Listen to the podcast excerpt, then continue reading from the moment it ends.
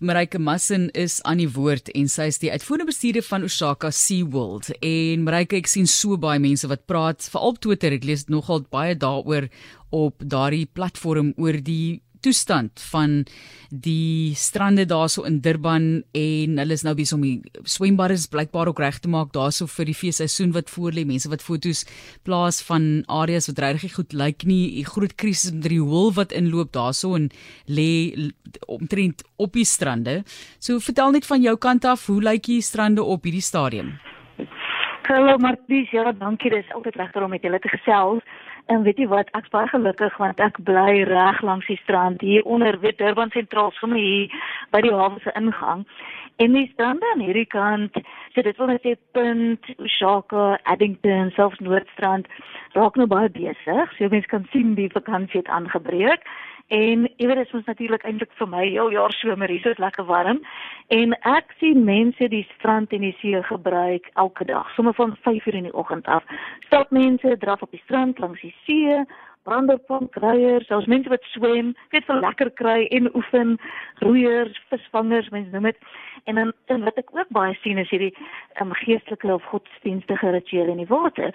So so die water en die see en die strand word baie gebruik, maar wat nogal oorweldigend is, is die plastiekbesoedeling. So ek sien dit veel baie vroeg in die oggende, maar die uh, munisipaliteit hierso begin seker so van 6:30 skoon te maak, maar veral hierdie strande waarvan ek nou praat wat hier, hier by die promenade is. En jy weet baie van hierdie besoedeling is net wat uit die see spoel.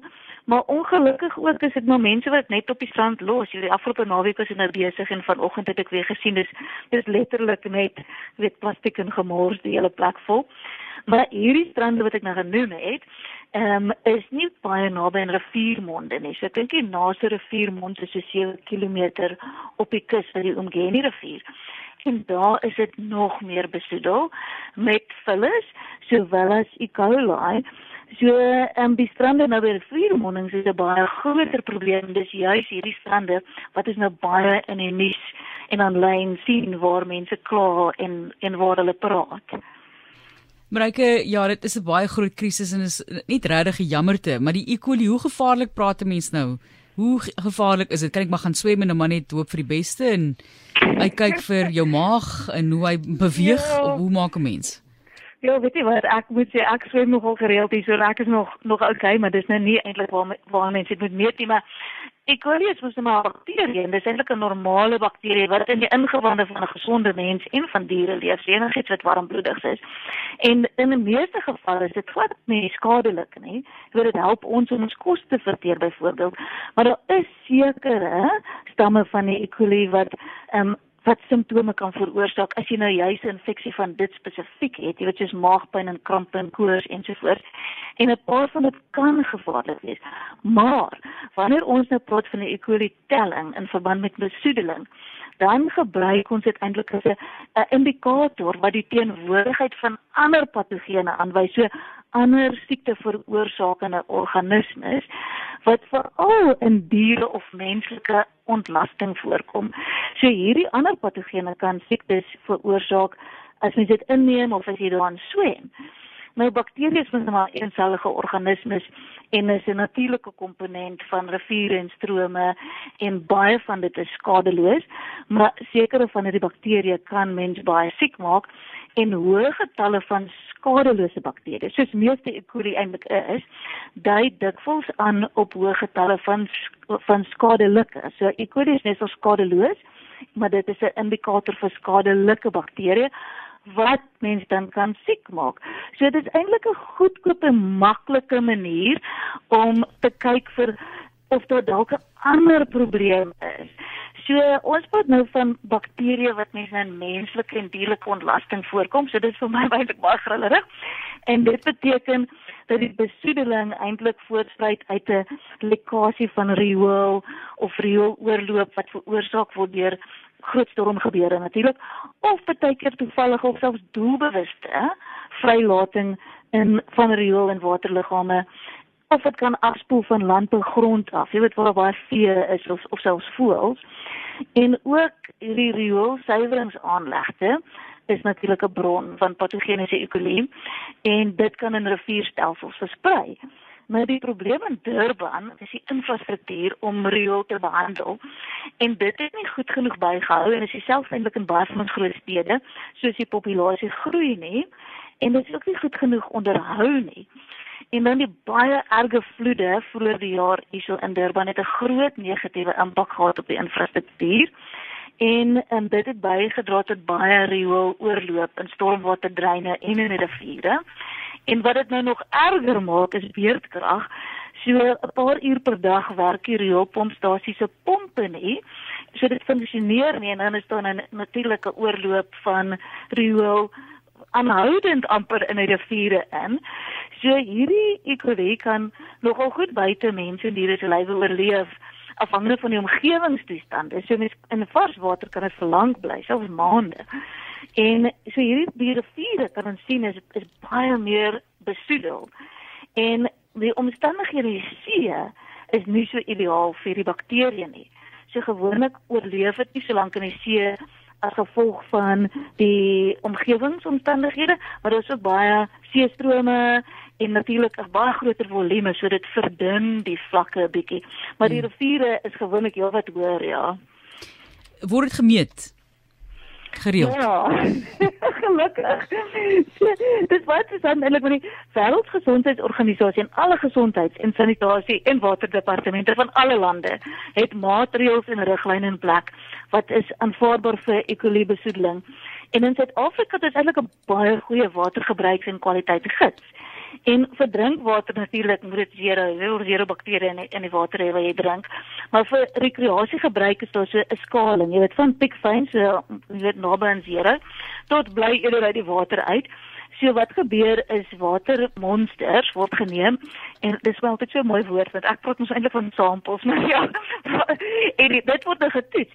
En in Durban wat nou gebeur is die munisipaliteit en 'n private laboratorium neem watermonsters op dieselfde plek op dieselfde tyd en toets dit sodat sodat mense nie kan sê die munisipaliteit jy weet ehm um, jok of of maak dit minder erg En hierdie hierdie dan toets mens nou vir vir bakterieë wat beteken jy moet eintlik groei. So op 'n sekere temperatuur, so dit vat gewoonlik so 'n dag of wat. En dan dan word dit getel en dis 'n goeie indikasie van die besoedeling. So ons gebruik die die ehm um, eenheid met net CFU, so dis kolonie vormende eenheid in 100 ml en dit beteken hoeveel lewende selle in hierdie watermonster is wat in staat is om te vermeerder. So hoe meer daar is, hoe gevaarlik is dit? Is dit? Ehm um, en beteken dit daar's ook heel moontlik baie skadelike bakterieë, jy weet in die mengelmoes saam. So ehm um, hierso probeer ons om seker te maak dat weet mense word gewaarsku as die strande bo 500 CFU eenhede is. Die rivier is baie keer honderde duisende. Maar dit ook hang wat jy gaan doen. So mense gaan nie te siek word van E. coli behalwe as jy nou baie water insluk. So as jy nou net swem, is dit weet as dit heel aanvaarbaar onder 'n sekere vlak so die strande hier weet hulle waarsku mense vir alles dit oor 2000 CFU eenhede is dan begin ons dit eintlik toe te maak. Maar in Australië byvoorbeeld laat hulle mense nog op in 2000 CFU um windplank ry solank jy nie afval en en kom water sluk nie. Maar weet wat wat mens meer moet oor bekommer is dis 'n dis is nog steeds 'n indikator vir ander nare bakterieë en selfs so virusse. En as jy 'n snywond of jy weet 'n oop seerplek het, kan jy um aardig kry. En ek het dit alself uh, met my gebeur in 'n weet jy wat ek in 'n hawe geduik het en 'n in 'n wond opgedoen het en dit was dit was baie naar geweest. So mense moet maar oog dop hou op hierdie toetse en net bewus wees dis altyd so 'n dag of twee later want hierdie bakterie moet eers groei en dan kan mens ehm um, weet 'n lesing doen hoe erg dit eintlik is. So dis nie op hierdie minuut op hierdie dag 'n presiese lesing nie, maar meeste van die strand het groot borde op wat sê wanneer was die onlangse toets gewees en ook wat die wat die lesing was. Ons gesels 'n bietjie oor die toestande daarvan Durban se strande en veral nou met die vakansietyd wat voorlê. Mareike Massin van Osaka Sea World, sy is uitvoerende bestuurder daarso. Sy sê sy swem gereeld self daar, maar en bly by die see, so sy ken dit op 'n wetenskaplike vlak en 'n persoonlike vlak ook. Mareike, wat kan ons doen? Ons het net so 2 minute nog hoor. Wat kan ons doen aan hierdie situasie? Wat stel julle voor in jou bedryf? Eerstens is dit goed dat mense net bietjie meer bewus is, hè. So ek ek raai mense om hou dop wat sê die watertoetse en onthou die resultate van 'n dag of twee is nie presies presies akkuraat nie. Kyk uit vir patrone. Dit is dit is gereeld heel voorstelbaar. Jy weet as al baie reën is, gaan die riviere mos nou afkom en dan as veral as 'n riool oorstroming is die lewensredders op die strande weet wanneer die on, mees onlangse toetse gedoen is en dan moet elke persoon maar jy weet persoonlike besluit maak is wat is vir hom verantwoordelik jy weet is jy baie oud het jy ander siektes het jy wonde en en dan moet jy besluit maak of hoe veilig dit is. Jy doen jou eie risiko-analise vinnig maar ek persoonlik voel baie gerus om hier by die strande hier waar ek nou is hier onder in Durban lekker te swem. Weet die toetslesings hou ek nou al die hele jaar lank dop en dis somer dis heerlik ons wil buite wees as wil op die strand wees, maar mense moet maar net verantwoordelikheid vat vir hulle self en ook bydra om nie meer weet van hierdie bakterieë in die in die omgewing vry te laat nie. En nou later die week is ek eintlik op pad na Antarktika waar alles natuurlik teenoorgestel is. So verskriklike skoon water en verskriklike koue water, maar vir nou geniet ek nou maar hierdie amper skoon so 'n bietjie vuil van oh. water hier in Natal. Sjoe, sterkte Mariska of Marike, ek sê vir jou, dink aan julle met hierdie situasie en ek hoop regtig hulle kan daardie natuur 'n bietjie meer ernstig opneem en ek hoop regtig mense raak siek nie. So nou nou weet jy wat daar aan die gang is deur die oë van 'n wetenskaplike en 'n persoon wat self ook daar baie gebruik maak van die see. Daar's ons politici wat mekaar uitgedaag het en gesê het gaan swem. Ek daag jou uit. As jy dit sal doen, dan dan kan die mense maar kom vakansie hou en toe sê eers nee en toe hierdie ou gaan swem is met allerlei speletjies wat gespeel word maar Mareike ons sê vir jou baie baie dankie. Waardeer dit in 'n heerlike vakansietyd ook vir jou wat voor lê. Geniet die fantastiese reis wat jy nou onderneem.